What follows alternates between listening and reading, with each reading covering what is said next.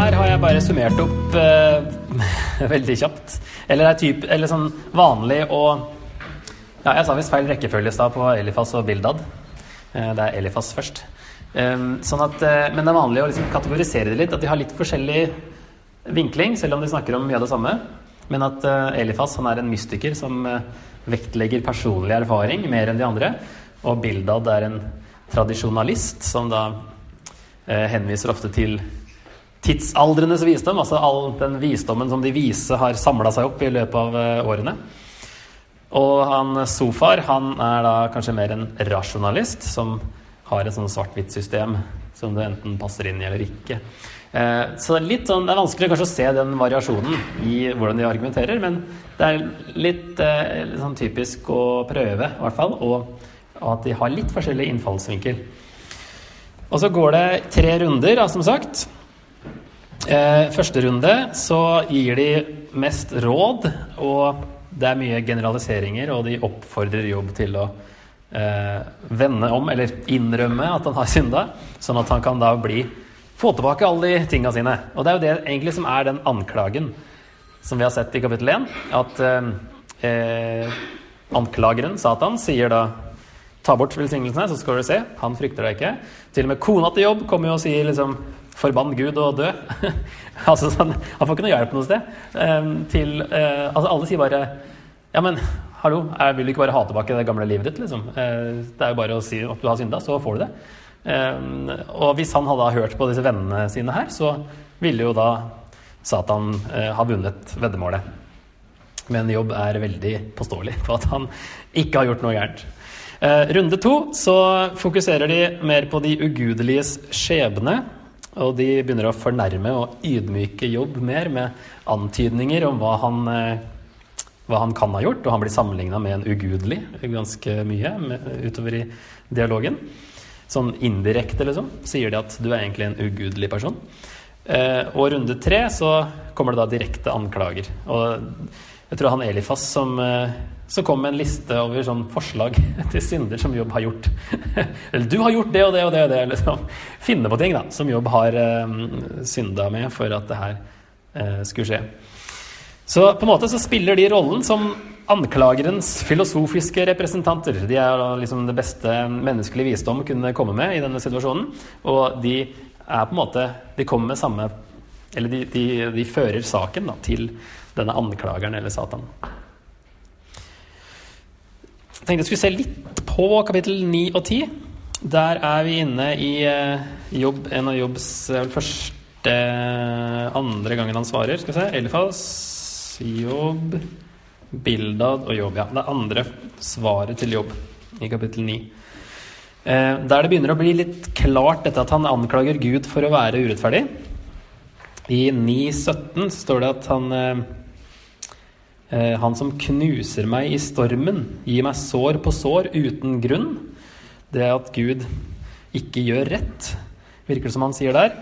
I, kapittel, nei, vers 22 uskyldig eller skyldig, han utsletter begge. Altså at Gud egentlig ikke bryr seg om hvem som er rettskaffen eller uh, uskyldig eller ikke, siden Jobb da er en rettskaffen, og han lider. Og det vet jo vi at det stemmer fra vi har sett bak forhenget i starten. Så at Gud utsetter begge, han bryr seg egentlig ikke, sier han her i vers 22. I vers 23 han sender en flom av brå død, spotter når uskyldige fortviler. Da tar han det da enda et skritt lenger, at Gud faktisk spotter de uskyldige når det kommer noe ulykke over dem. Og vers 24. Jorden er lagt i den lovløses hånd, han dekker til dommernes øyne. Om det ikke er han, hvem er det da? Og at Gud da aktivt hindrer rettferdighet fra å skje ved å dekke til øynene på de som da kunne ha ordna opp når eh, de lovløse gjør noe, eller at det skjer noe som kan fikses. da. Så han eh, beskylder Gud for å gjøre det også. Vers 28. Likevel frykter jeg smertene eh, med Jeg vet at du ikke frikjenner meg. Fordi han mener at Gud er urettferdig, virker det som da at for han vet jo sjøl at han er rettferdig, og så vet han at Gud ikke frikjenner han. Så da må jo det vil si at Gud er urettferdig. Eller at han ikke gjør det som er rettferdig. selv om han kanskje er rettferdig. Eh, vers 29-31 så sier han bl.a.: Jeg blir jo kjent, eh, kjent, skyldig. Hvorfor skal jeg da streve forgjeves? Sånn at, at, Gud har bestemt seg, uavhengig av hvordan Jobb lever. Det er ikke noe vits um, å streve, fordi Gud kommer til å kjenne meg skyldig uansett. Og i vers 1-8 av kapittel 10 kan vi summere opp som at Gud burde vite bedre enn å la Jobb lide når han vet at Jobb er uskyldig. Da sier han bl.a. at um, eh, Hvorfor har du glede av å undertrykke, i vers 3, av å vrake dine henders verk, mens du lar solen gå opp over de urettferdiges planer? Eh, og i vers 6.: For du spør etter min skyld og leter etter min synd, selv om du vet at jeg ikke er skyldig. Ingen kan, kan berges fra din hånd, selv om du vet at jeg ikke er skyldig.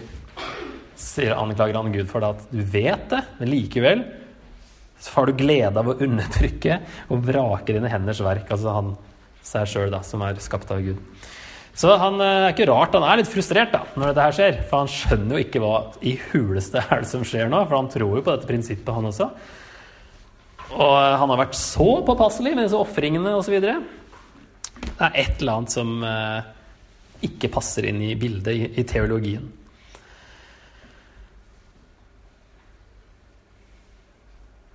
Tilbake til den her, bare, for å se. Nå har vi da kommet til eh, tar, altså Nå hopper jeg da til slutten av dialogen. Det er ikke så, Vi har ikke tid til å se på så mye mer der. Kapittel 28, så dette visdomsdiktet, så står det annet i eh, vers 21 til 24. Visdommen er skjult for hvert levende øye, gjemt for fuglene under himmelen. Avgrunnen og døden sier, vi har bare hørt om den. Gud kjenner veien til visdommen, han vet hvor den har sin bolig. Han skuer til jordens ender, alt under himmelen kan han se. Også siste verset.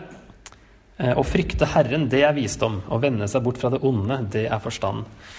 Eh, men spesielt det kanskje 21-24 så peker det fram mot eh, det Gud kommer med når han svarer. Så her har vi på en måte skiftet litt fokus, kanskje fordi den anklagen fra Satan da, om Gud, eller om jobb frykter Gud for ingenting, eller at det er eh, Eh, at det er de velsignelsene som gjør at han frykter Gud, det har på en måte blitt besvart i dialogen. At eh, det er i hvert fall ikke klart å overbevise jobb om noe annet. Så på en måte så virker det som her at forfatteren kanskje Nå skifter vi litt fokus. Nå snakker vi om, om visdom, begynner å bringe inn det, som da blir et tema etter hvert.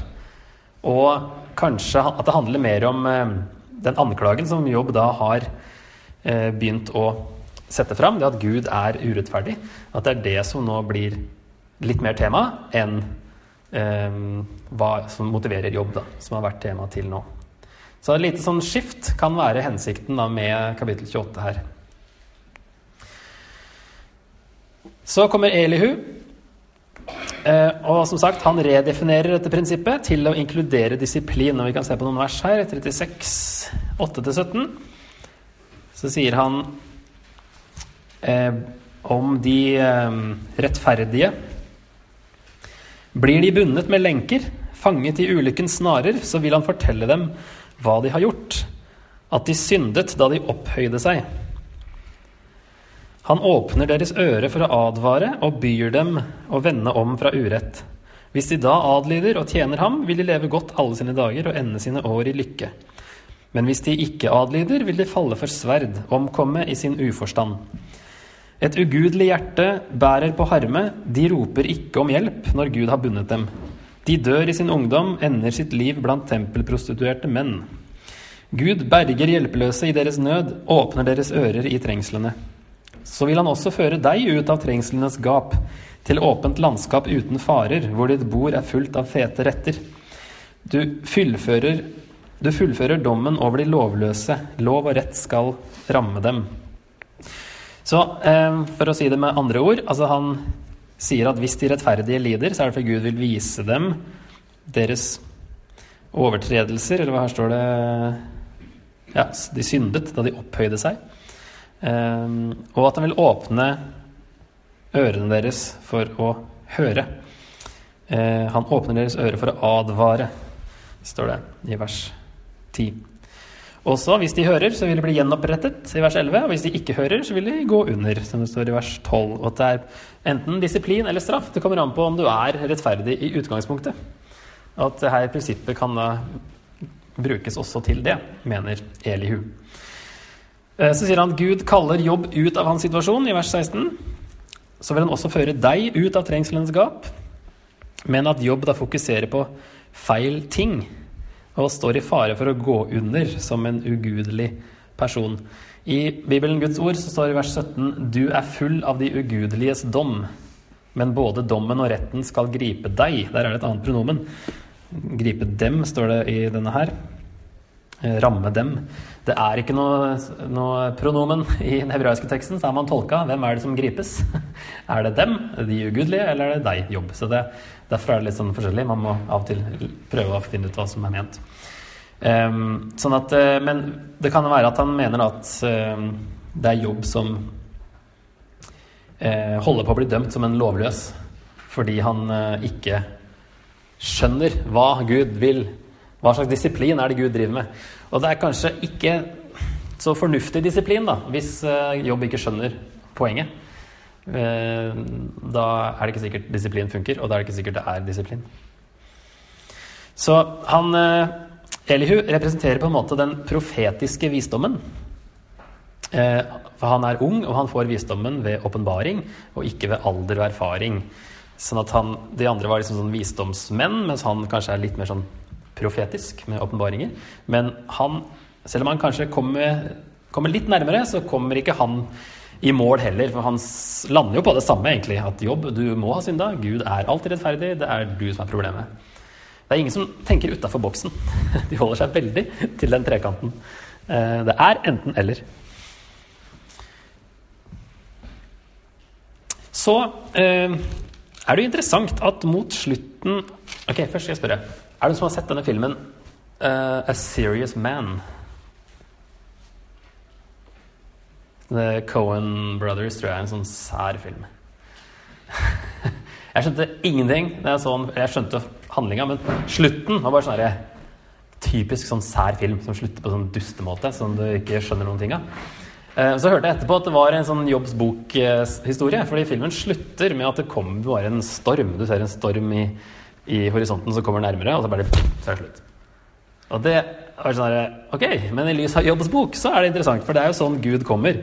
Da svarte Herren Jobb ut av stormen, står det plutselig i vers 38,1. Så det var liksom sånn Jeg har lyst til å se den filmen en gang til nå, for å se hva de har tenkt. Det er jo De er vel sånn amerikanske jøder, de to. Sånn at de um, bruker Jobbs bok da, til inspirasjon. Uh, men Gud kommer i en storm. Og Elihu snakker faktisk om en storm utover mot slutten her. Det er litt interessant. Eh, for eksempel 37.9 eh, står det 'Stormen farer ut av sitt kammer'. Nordavinden kommer med kulde. Det er mye sånn stormspråk.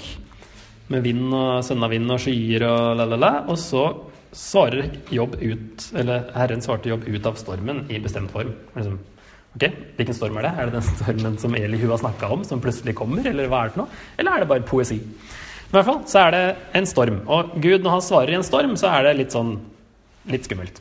Da er det litt sånn dom, ikke sant. Eh, det er ikke sånn bare koselig. Og så kan vi bli litt sånn satt ut av hvordan Gud svarer. Eh, han virker så sur og lite forståelsesfull overfor hva, hva, han da har gjort med jobb, faktisk. Han tar jo ansvaret når Han sier jo til han Satan-personen at eh, du har fått meg til å ødelegge jobb for ingen grunn. Fordi det var Gud som ga tillatelsen. Så det er Gud som står ansvarlig. Og så kommer liksom her bare masse spørsmål til jobb, istedenfor å komme med noe sånn svar og 'stakkars jobb'. Eh, nå skal jeg fortelle deg hva som egentlig har skjedd. Jobb får jo aldri vite hva som egentlig har skjedd. Men Gud bare kommer med masse spørsmål som kan virke litt sånn at Han prøver å liksom skremme jobben, liksom. At uh, Vis bare at jeg er mye større enn deg. Eh, du aner ikke hva du snakker om. Um, så Gud sier da, 'Hvem er dette som formørker min plan med uforstandige ord?' 'Spenn beltet om livet som en mann, så vil jeg spørre deg, og du skal svare.' 'Hvor var du da jeg grunnla jorden? Fortell det hvis du vet det.' Hvem har fastsatt jordens mål? Det vet du vel. Hvem trakk målesnoren over den? Hvor ble jordens pilarer slått ned, og hvem la hjørnesteinen? Mens alle morgenstjerner jublet, og alle gudesønner ropte av fryd. Så når Gud kommer, så Han snakker bare til jobb, da. Det er jo én ting.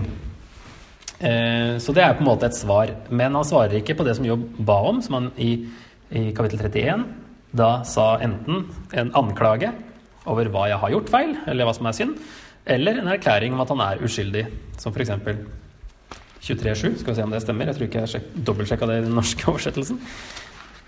Der står det Så drøftet jeg saken oppriktig med ham, og dommeren satte meg fri for alltid. Ja, Så han kanskje ser fram mot at det ville kunne skje, da. Um, om jeg bare kunne finne ham, i vers 3, tre inn i hans tronsal. Da vil jeg legge fram min sak for ham, fylle munnen med motbevis. Da kunne jeg få vite hva han ville svare, og forstå hva han ville si meg. Ville han bruke sin store makt i saken mot meg? Å nei, han ville nok høre på meg. Så drøftet jeg saken oppriktig med ham, og dommeren satte meg fri for alltid. Så der ser han for seg Hvis jeg bare kunne møte Gud, så ville han, vil han bli overbevist av min sak. Eller så må han komme med en liste over hva jeg har gjort feil. Og det er jo ingen av delene Gud kommer med. Så når han sier eh, 'Hvem er det som formørker min plan?' osv., eh, kan det bety da at Jobb har laget et uklart bilde av hvordan Gud styrer verden, fordi han ikke har all den nødvendige nødvendige kunnskapen. Nå må vi jo tenke at det her er en rettssakssetting som Jobb da har uh, ville ha, egentlig. Han, akkurat det vi leste i kapittel 23, var jo sånn inn i hans tronsal, så skal jeg legge fram en sak, osv. Så, videre. så nå må vi tenke litt sånn rettssak, og det tror jeg hjelper litt på hvordan Gud svarer også. Um, og at det er liksom plutselig nå en sånn Eller egentlig nesten hele boka er en sånn setting med uh, at det går til sak mot Gud, da. Fordi altså det, her, det, han sier her også, at uh, hvem har formørket min plan, det kan ikke gå imot det han sier senere i 42.7, at det er jobb 7 og 8. Der jobb talte rett om meg, sier han. At de vennene dine har ikke talt rett om meg, som min tjener jobb. Uh, så på slutten så er det som jobb har sagt Han har talt rett om Gud. Selv om han formørker Guds plan på et vis. Eh, hva nå det vil si. Men kanskje at han har Bildet er ikke tydelig, fordi Jobb ikke vet alt. Og det er det Gud understreker. Jobb, du ser bare bitte litt. Jeg ser alt. Jeg er Gud. Eh, og han beskriver mye skaperverk si, og masse dyr som han har skapt, og at, eh, hvordan han holder skaperverket i gang med å gi mat til alle villdyr osv. Ehm, så det virker som at han snakker mye om natur her, og veldig lite om moral. og Det er jo litt interessant at det er, snakker egentlig om det moralske spørsmål de har tatt opp, men Gud svarer bare med masse natur. Så det virker som det er en parallell fra, det, fra natur til moral. Da. At ehm, eh, når Jobb bare ser en liten del av verden, og Gud ser hele bildet, så vil det også si at eh, det er bare Gud som kan eh, dømme, gjøre moralske eh, dommer fordi han ser alt som skjer. Um, så f.eks. i 38.25 at um, Hvem laget løp for styrteregnet, vei for torden og brak, så det regnet over land der ingen bor, i ørkenen hvor det ikke er mennesker? Regnet mettet det øde landet så gresset grodde grønt. Han til og med lar det regne der det ikke bor noen. Og det er jo allerede litt sånn utafor boksen til uh, Moseloven, som du nevnte, med at uh, hvis du holder loven, så, så, kommer det regn. Hvis du uh, bryter loven, så blir det tørke. Men likevel så driver Gud og lar det regne der det ikke bor noen i hele tatt. Så han driver med ting helt utafor det menneskene ser. Og det er jobb. Utafor det jobb ser. Eh, og så er det en overraskelse. Eh, også virker det som at Gud i det hele tatt svarer, i hvert fall for Elihu. Det siste han sier, er at eh, Gud overser dem som tror de er vise. At Gud, i Siste vers i kapittel 37. Gud kommer ikke til å svare deg, Jobb, fordi du tror du er vis, men eh, du er ikke det. Og det neste som skjer, er at Gud svarer. Så det virker ikke som de kanskje forventa det. At Jobb er jo veldig på liksom Svar meg, svar meg! Jeg skal overbevise deg. Mens vennene hans tror kanskje ikke, i hvert fall Elihu, tror ikke på at det kommer til å skje. Fordi eneste svaret er at jobb må omvende seg. Så allerede så er det en liten sånn seier for jobb at Gud i det hele tatt svarer. Og eh, nå er det jo, Svaret går jo over kapittel 40-41 også, men bare fokuserer på de første nå, der han snakker mye om sånn eh, eh, hva han har skapt osv. Så, videre. eh, så det i kapittel 28 som vi så på i stad, er at eh, hvor er visdommen, og bare Gud vet hvor den er. Fordi han ser alt. Vi, altså Gud ser alt det skapte. Eh, og da vet han også hvor visdommen er, fordi han ser alt. Og så eh, står det da i kapittel 8, 38 her, eh, 36-37, hvem har lagt visdom i sinnet? Hvem har gitt hjertet forstand? Og her har vi en sånn Her har dere noe annet i eh, 2011. Der står vel ibisfuglen og hanen i stedet for sinnet og hjertet. Så det er plutselig noe helt annet. Og så står det tåken i mange engelske i stedet for 'hjerte', tror jeg. Så det er bare sånn Ok, her var det veldig mye rart, men i hvert fall Gud har lagt visdom i forskjellige ting som eh, bare han har gjort. da. Hvem kan telle skyene med sin visdom? Den tror jeg er ganske grei. Um, ja, 88-utgaven, også norsk, har 'Hvem har lagt forstand i tåken'? Eh, men at det plutselig er en, eh, to fugler inni her, det syns jeg er litt rart i konteksten. Men det er flere, eh, flere oversettelser som har det, tror jeg. Så en sånn typisk vanskelighet. Men poenget er altså at Gud, har, Gud vet hvor visdommen er. Gud har visdom. Og han sier i kapittel 39.: Var det din forstand som lærte falken å fly, spre vingene og gli mot sør? Er det på ditt ord at ørnen stiger og bygger rede så høyt oppe? Og typisk sånn eh, hebraisk poesi så bruker de sånne parallellismer der eh, to setninger egentlig sier det samme, bare med sånn variasjon, så det blir mer interessant. Her har vi en eh, falk og en eh, ørn som er paralleller, og fly er parallelt til å stige. Og på en måte så er ja, gli mot sør er på en måte en parallell å bygge rede høyt oppe, selv om det ikke er det. Men altså det er noe han gjør ikke sant, etterpå.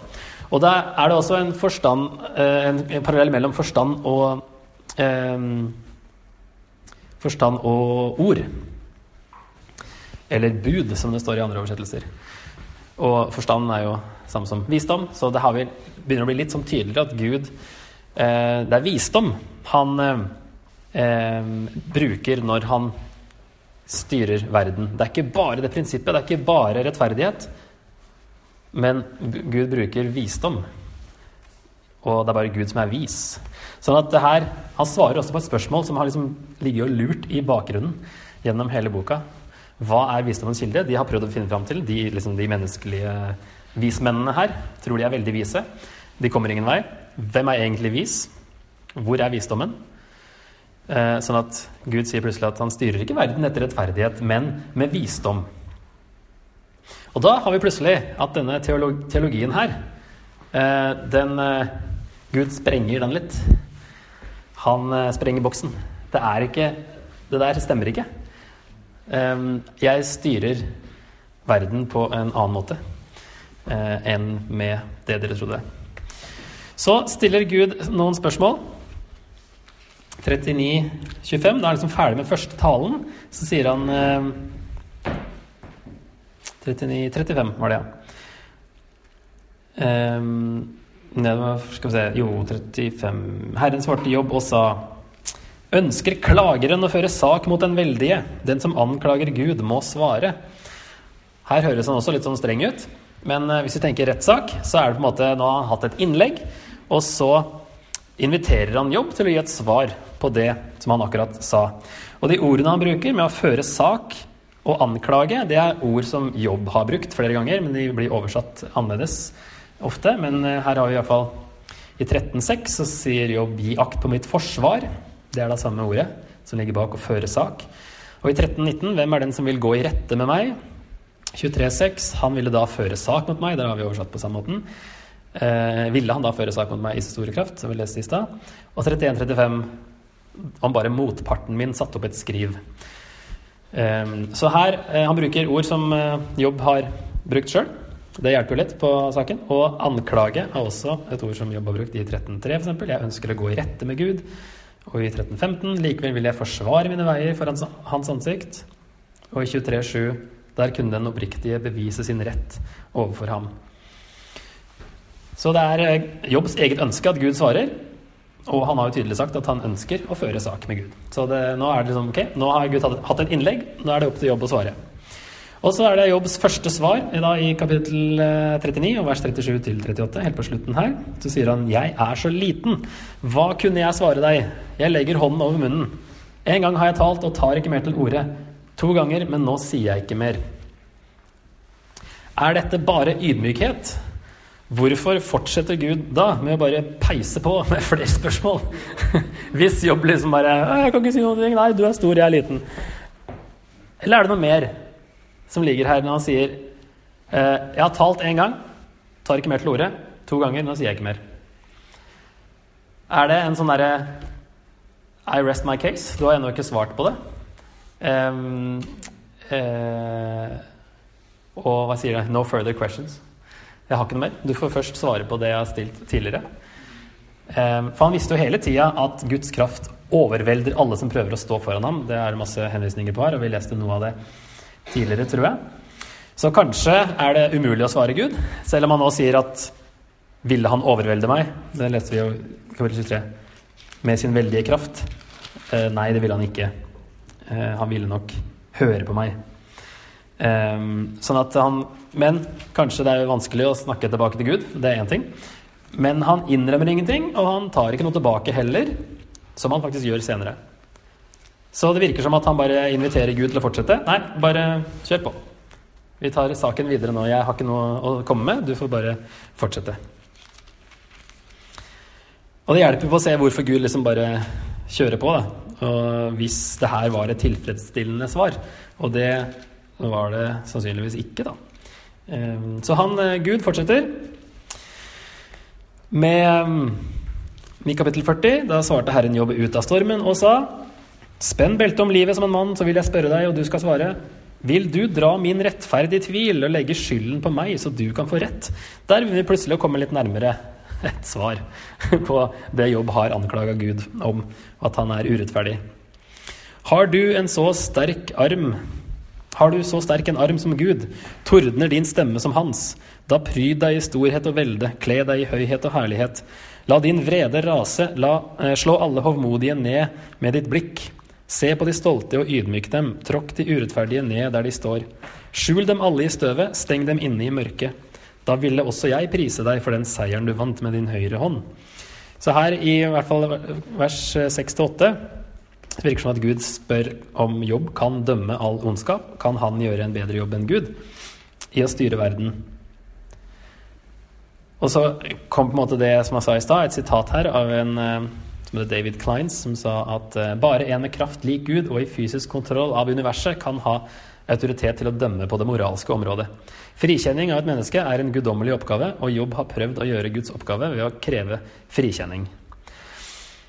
Så her eh, Det nærmeste vi kommer kanskje et konkret svar, før han plutselig går rett over på se Behemot, og så begynner vanskelighetene, da, med Behemot og Leviatan. Eh,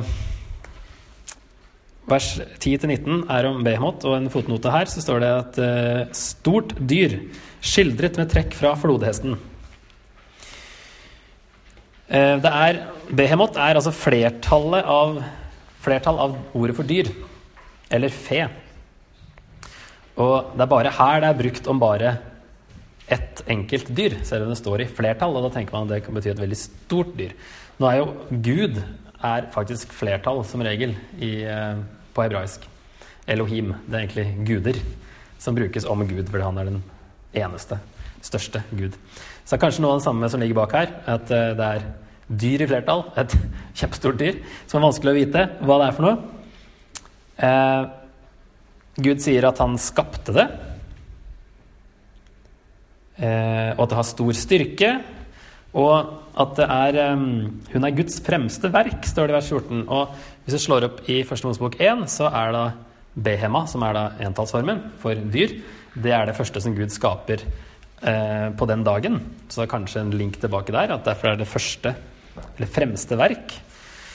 Likevel mystisk at det er plutselig ett dyr som er flertall, og, men som høres ut som en flodhest eh, for det meste. Eh, det skremmes ikke og kan ikke bli temmet. Så tenker man ok, man kan temme flodhester. Det, er, det passer kanskje ikke helt. Og så er det dette med halen. Um, Hun strekker ut halen stiv som en seder. Det passer heller ikke på den bitte lille flodhesthalen, som ikke er så veldig eh, imponerende, kanskje. Så spørsmålet er da er dette ment virkelig eller mytologisk. Er det livlig poesi, eller er det bokstavelig? Det blir jo enda mer livlig når det kommer til han uh, Leviatan. Uh, som ofte da uh, Det står vel en fotnote om at det kanskje er en krokodille her. Stort sjødyr, ofte gudfiendtlig makt, her skildret med trekk fra krokodillen. Så det er veldig sånn jordnære tolkninger. Er flodhest krokodille? Um, men i hvert fall med Leviatan så er det noen som sprenger det egentlig veldig kraftig. Men akkurat med Behemot så er det vanskelig. Det har vært en flodhest siden 1600-tallet, eller hva man tolka det sånn. Eh, og så er det ikke så mye paralleller i sånn annen litteratur som sånn, skal være noe mytologisk. men nærmest man kommer, er at denne guden El, som var en kananeisk gud, han hadde en kalv som het Atik, som ofte opptrådte sammen med en, den sjufodede dragen, som da er en parallell til Leviatan. Men det er en veldig uklar link der, eh, så det ligner jo på en eh, flodhest i mye. Eh, jeg vet ikke om han er så veldig imponerende, men den er farlig i hvert fall. Det er jo det dyret som dreper mest mennesker, har jeg skjønt. 3000 i året regner man med at en flodhest dreper, selv om den er vegetarianer. og det er bare neshornet og elefanten som er større av landdyr, da. Så jeg så på noen klipp før i dag med sånn uh, flodhestangrep, og det var ganske skremmende. Dukker opp rett bak båten plutselig og prøver å velte båten, og det var jo sånn herre wow! Den er ikke så koselig som man kan se ut som, men, uh, men likevel, det er noe her som sprenger det, da. Men kanskje det er en flodhest som da plutselig det blir veldig poetisk uh, fremstilt. Nå må jeg bare peise på, ser jeg. Leviatan. På moderne hebraisk betyr det hval, faktisk. Um, mens det da tolkes, høres mer ut som en krokodille her, da. Men den uh, spruter jo ild og sånne ting, så det er ting som høres mer ut som en drage. og det er ofte i um, i hvert fall i den greske oversettelsen igjen av GT, den Septuaginta, så bruker de ofte ordet drage, det greske ordet altså drakon, er det vel, som brukes om uh, Leviatan og andre sånne paralleller uh, sjøuhyrer. Uh, så det er Vi har i andre kulturer da, så er det et sånn sjuhodet sjømonster som ble kalt Lotan, eller Litan, i kanonesk mytologi i hvert fall. Og det var et vanlig sånn kaossymbol i oldtidens Midtøsten, som da gudene hadde ikke sant, Når det går fra kos, eh, kaos til kosmos, så var det at de hadde fått kontroll på disse kaosuhyrene. Og de hadde liksom holdt dem i, i bånd. Det var liksom sånn de så på hvordan skapverket ble til. Så her kan det være en sånn mytologi som spiller inn, at man bruker det som et eh, som et poeng. Det nevnes også faktisk andre steder i Bibelen. Salme 74 så står det Du kløvde havet med din makt og knuste uhyrenes hoder i vannet. Du slo i stykker Leviatans hoder, det er det flertall, og ga ham til føde for folket i ørkenen. Og det brukes da Her er det jo Egypt, egentlig, som er Leviatan, og som folk i ørkenen. Utgangen fra Egypt. Så det brukes ofte som en sånn beskrivelse på Egypt, og på etter hvert også ondskap generelt. Og da kanskje vi har denne sjuhodede dragen i åpenbaringen, som også faktisk linker helt tilbake til denne Leviatan. Um, så det er interessant, dette her. Vanskelig å få tak på. Salme 104 står det Her er havet stort og hvitt, med en talløs vrimmel av dyr, både små og store. Der stevner skipene fram. Der er Leviatan som du har skapt til å leke med. Uh, og der høres det ut som en krokodille, i hvert fall, for den er jo ikke sånn ute i det store havet. Men poenget er at eh, Gud har kontroll over, des, over Leviatan også. Uklart hvor mye de trodde på dette her, om de brukte det som bilder, eh, eller om det er noe annet som er ment. Men i Jesaja 27 så står det at den dagen skal Herren straffe med sitt harde og store og sterke sverd den flyktende slangen Leviatan, den buktende slangen Leviatan. Han skal drepe uhyret i havet. Og der har vi da på dommens dag, når Gud skal ordne opp i all ondskap, så er Leviatan et symbol på ondskap også. Så da har vi en link fra dragen i åpenbaringen også til, til, Satan, egentlig. Da. Helt tilbake til slangen i, i Edens hage. Som ikke hadde sju hoder, du vet, eller flere hoder. Men, eh, men, det er noe lignende der. ikke sant? Det er en slange. Så det her, men det her er sånn ukjent territorium for de fleste, for meg òg. Hva er det som er ment? Og Leviatan, det er jo mye spekuleringer. Eh, og vi finner lignende ting da, i hvert fall i andre kulturer. Så hva er poenget til Gud? Uh, med å nevne Behemoth og Leviatan, er det at bare Gud kan kontrollere flodhesten og krokodillen. Eh, det er en veldig jordnær forklaring i så fall. Det er jo mulig for mennesker å kontrollere de to. Um, eller betyr det at Gud kan, bare Gud kan kontrollere kaosuhyrene, selv om de egentlig ikke finnes?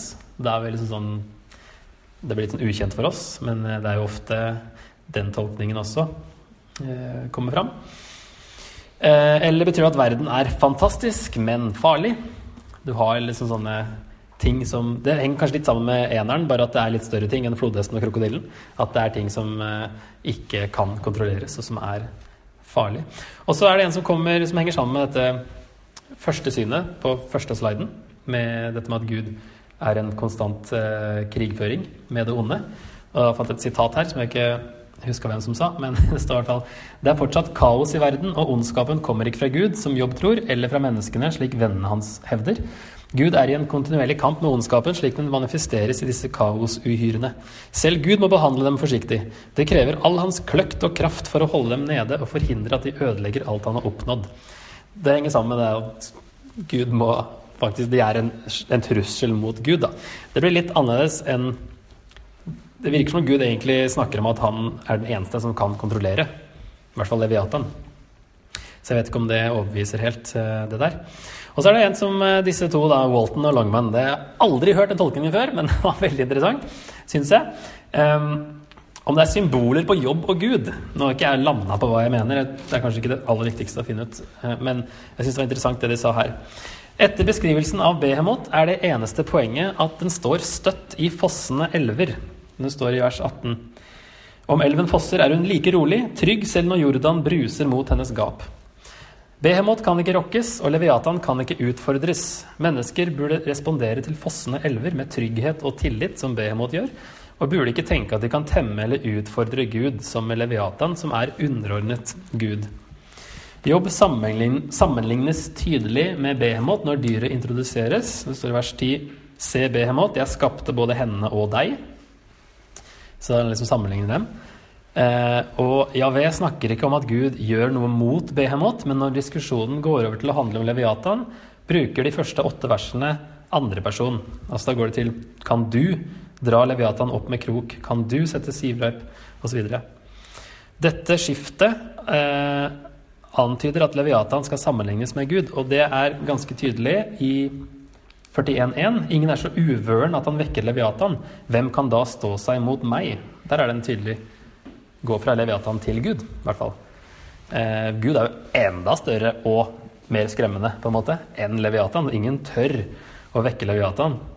Hvem kan da stå seg mot meg? Eh, hvem ga meg noe først, så jeg skulle gi ham noe igjen? Alt under himmelen tilhører meg. Og så tilbake til Leviatan igjen. Så det er en link der mellom Leviatan og Gud som er interessant. Og i 4022 så står det Vil han da trygle deg om nåde eller tale blidt til deg? Det kan være noe som en metafor som ligger der også. Og det siste verset om Leviatan, i 41-25, Han setter blikket i alt som er høyt. Han er konge over alle stolte rovdyr. Um, det kan være også det at Gud eh, er også konge over de stolte, med at han regjerer over dem. Så jobb trenger å finne stabilitet i urolige vann og ha mer respekt for Javé. Dette er bokas budskap, og det er derfor naturlig at det kommer fram i Guds siste tale. Den var helt ny for meg. Eh, jeg vet ikke hva jeg syns om den, men den var interessant å ta med her. Eh, og det løser jo en del problemer også med disse to dyrene osv. Eh, om de er ment, hva de er ment. Altså, da er det ikke så viktig om det var en flodhest eller ikke. Da er liksom poenget noe litt annet. Så det er Guds svar, 38-49. For å prøve å summere opp det, så har jeg i hvert fall kontroller, kontrollert, ja, konkludert med at han er fullstendig i kontroll over den verden han har skapt. Det virker som at det er poenget han vil få fram. Han har skapt alt, bare han har gjort det, bare han vet åssen det funker. Bare han kan eh, kontrollere Leviatan, som ingen tør å prøve seg på. Eh, selv om Guds svar er overraskende og ikke en bokstavelig respons, ser det ikke ut til at Gud anklager jobb for noe. Og det betyr jo at Jobb hadde rett i at han var uskyldig, så indirekte så har Jobb liksom fått bekreftelse på at han hadde rett. Og en forklaring på hvorfor dette hendte med Jobb, ville ødelegge bokas hensikt, som da ser ut til å være at lidelse kan skje uten noen god grunn, og vi kan aldri finne ut hvorfor det skjedde. Noen ganger kan vi aldri finne ut hvorfor det skjedde. Noen ganger så er det obvious hvorfor det skjedde.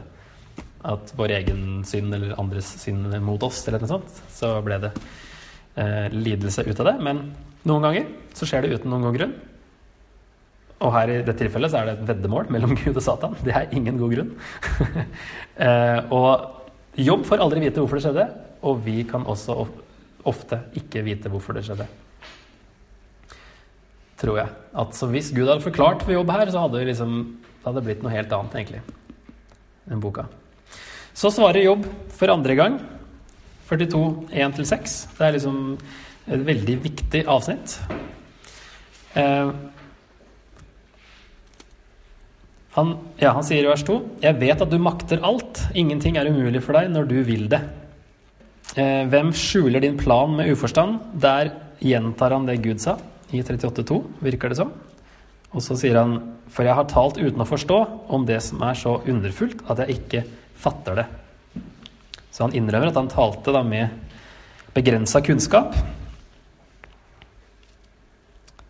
Eh, og så sier han i vers 4, så hør på det jeg nå sier. Jeg vil spørre deg, så kan du lære meg. Det kan òg være et, uh, at en gjentar det Gud sa to ganger tidligere. 38, og 42. Så forrige gang, da svarte han ikke når Gud spurte, da, i 42. Men nå vil han svare. Og så sier han Før hadde jeg bare hørt rykter om deg. Nå har jeg sett deg med egne øyne.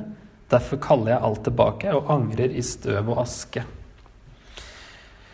Så Jobb får ikke se alt, han får ikke vite alt, men han får se Gud.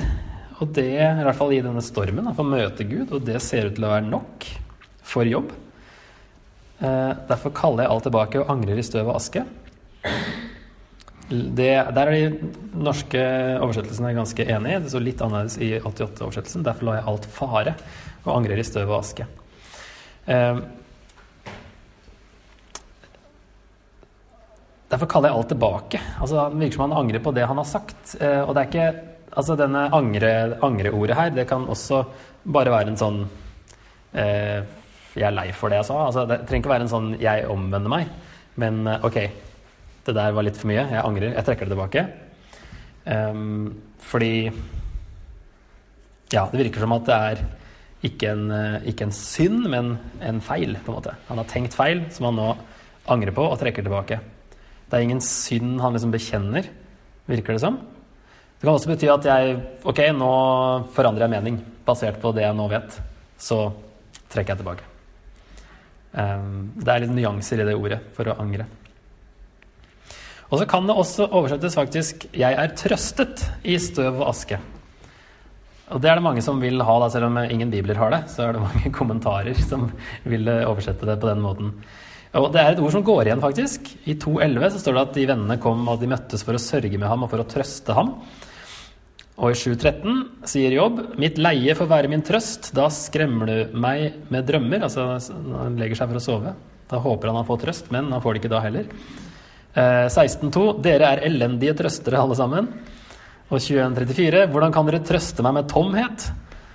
29.25, jeg tronet som en konge framfor hærflokken, altså i sitt gamle liv, som en trøster for de sørgende. Han trøsta folk, men ingen kan liksom komme med trøst for jobb, da. Helt til kanskje her, jeg er trøstet i støv og aske. Her får han endelig ro. Og så er det en gang etter det at når da kommer familien og vennene tilbake, og de spiste med ham i hans hus og viste medfølelse og trøstet ham. Og det er akkurat samme som i 2.11. Sørge med ham, vise medfølelse. Egentlig samme ordet der. Så det er på en måte en sånn Det avsluttes. Men han virker som han har funnet den ordentlige trøsten i eh, det Gud har sagt. Eh, som gjør at han ser at det han har sagt eh, i, når han var veldig frustrert, det eh, var eh, ikke helt riktig, og han trekker det tilbake.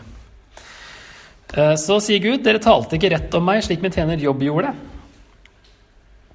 I vers 7 og 8. Og da er jo forslagene Hvordan, altså, hvordan kan det være sant hvis, eh, hvis Jobb har eh, påstått at Gud er urettferdig?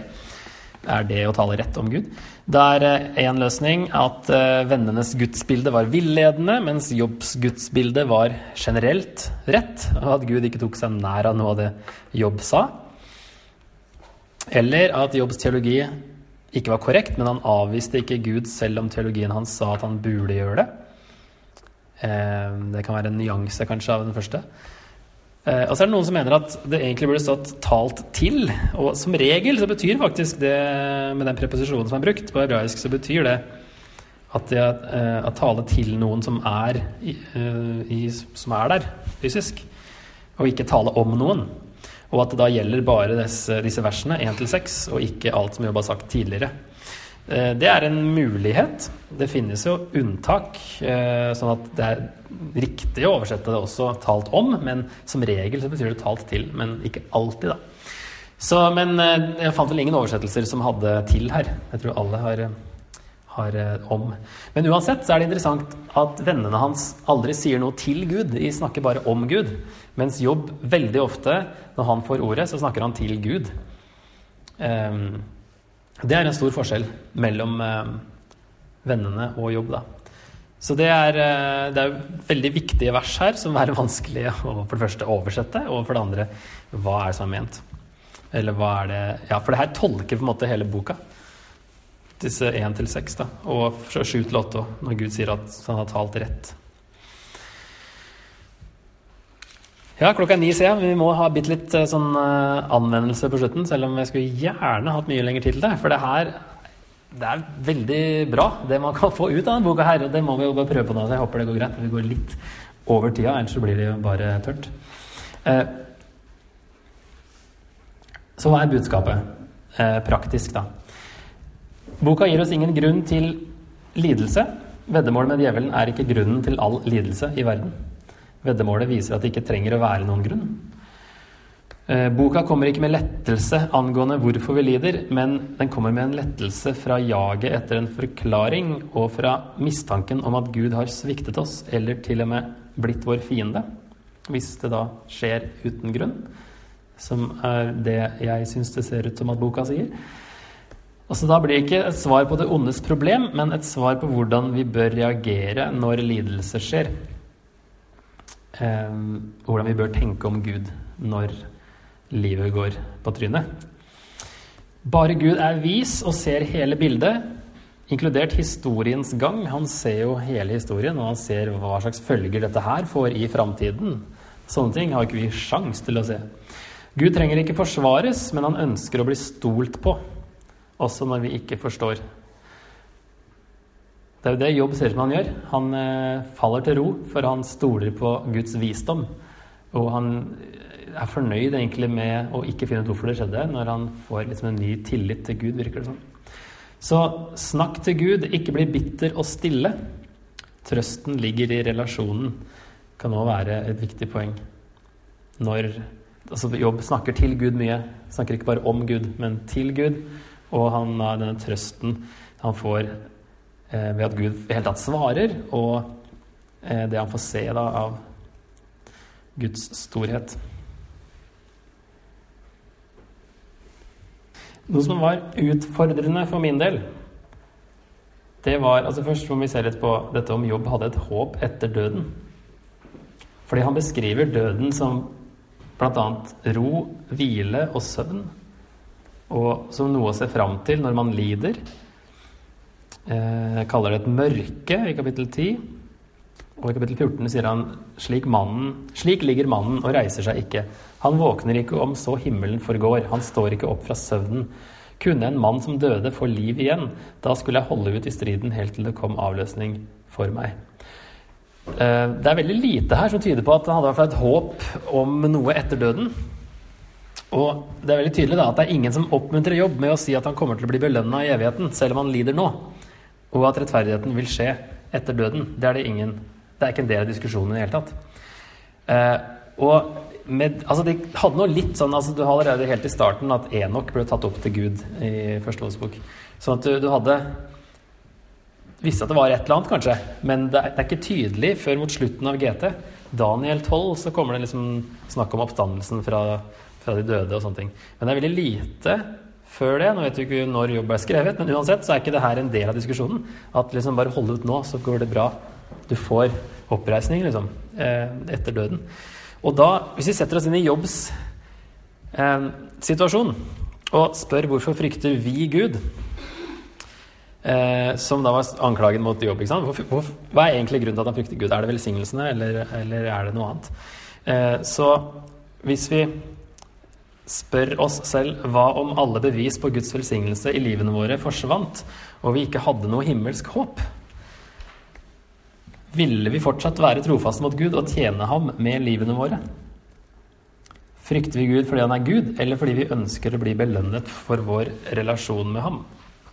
Det der syns jeg var veldig utfordrende å tenke på, Å granske meg sjøl, mine, mine, mine, motiver.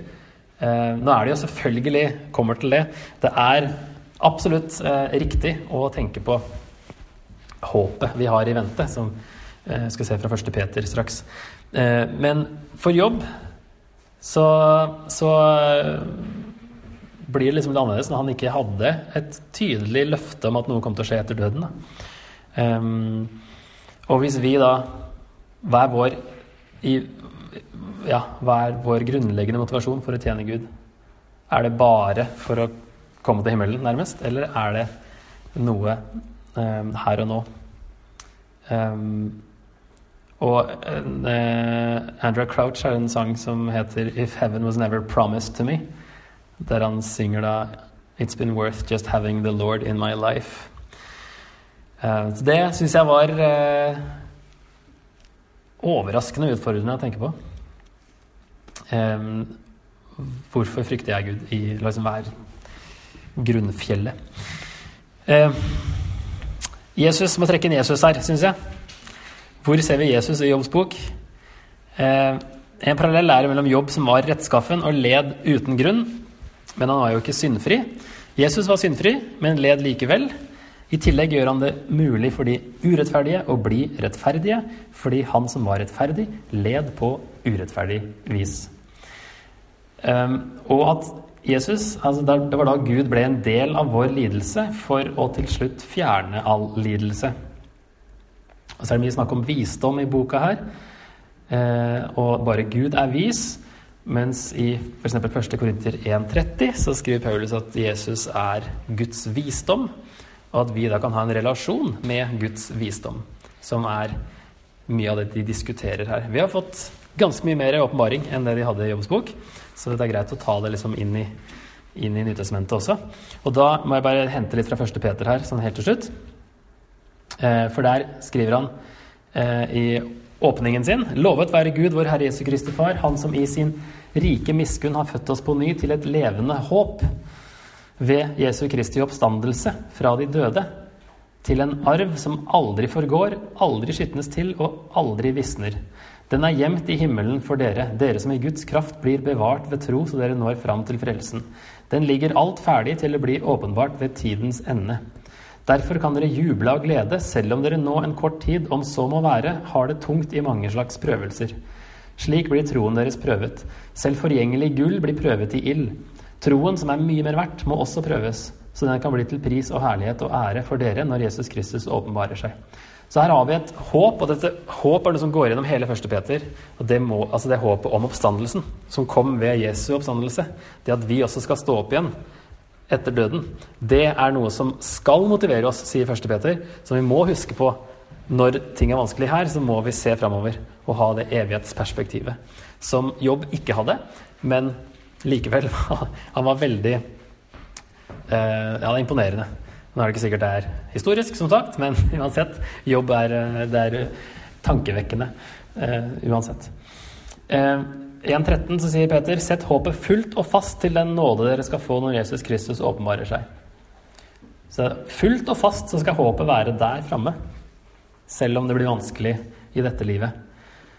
Og så sammenligner han det med, med Jesus, da. Om dere holder ut i lidelser når dere gjør det rette, da er det godt i Guds øyne. Det var jo, det, det var jo dette dere ble kalt til. For Kristus led for dere og etterlot dere et eksempel for at dere skulle følge i hans spor. Så det er faktisk eh, en del av det vi er kalt til, sier han. Det er jo dette dere ble kalt til, faktisk å lide. Fordi Jesus led, så er det en del av vårt liv også. Um, så det blir jo nytt. Det, ble, det blir ikke den trekanten lenger hvis vi skal diskutere hva som skjer og hvorfor vi lider. Det er vi lider Altså det er en eh, I første Peter da, så er det en eh, Et av poengene er det som vi ser her oppe, at han, eh, troen blir prøvet. Det er noe Gud kan bruke lidelse til. Og av og til når det står faktisk eh, Dere lider um, om så må være, så kan man kanskje tenke at det betyr at Gud faktisk har ordna at denne lidelsen skjer. At det er Guds vilje for å teste troen, rense troen, eh, sånn at den kan faktisk vare helt til slutt. Og et annet aspekt er det at vi tar del i Kristus, eller Kristi lidelser, som det snakkes mye om i Nytestamentet. Når vi lider. Ikke bare når vi lider for Jesus skyld, altså fordi vi er kristne. Det er jo obvious, så å si. Da skal vi hoppe av fryd, sier Jesus. Eh, men også når vi lider for andre ting, om, det er en naturkatastrofe eller hva det er, så så er det likevel noe vi er kalt til å lide fordi Jesus led. Det blir et nytt perspektiv i Nyttestamentet, så jeg tror det er viktig å trekke inn litt fra spesielt første Peter. Eh, håpet er jo symbolisert med et anker. Eh, det er fra Hebreerne 6,19, der det står at 'dette håpet er et trygt og fast anker for sjelen'. Så det er et, et håp. Det er mye mer enn sånn 'jeg håper at det skjer'. Jeg har ikke peiling, men jeg håper. Jeg ønsker. Eh, men det her det er mye sikrere, dette håpet vi har i, eh, i Bibelen. Eh, håpet om oppstandelsen, som, som, skal være noe vi skal eh, huske på og motiveres av. Men samtidig veldig utfordrende å tenke på ok, hva om jeg var jobb? Ville jeg ha forkasta Gud, eller ville jeg holdt fast på han likevel? Selv om jeg mista alt og ikke visste hva som kom etter døden. Ikke var lova noen ting. Så det fikk vi ikke tid til å diskutere nå, men det kan dere ta med dere ut og grunne på til neste uke. håper jeg.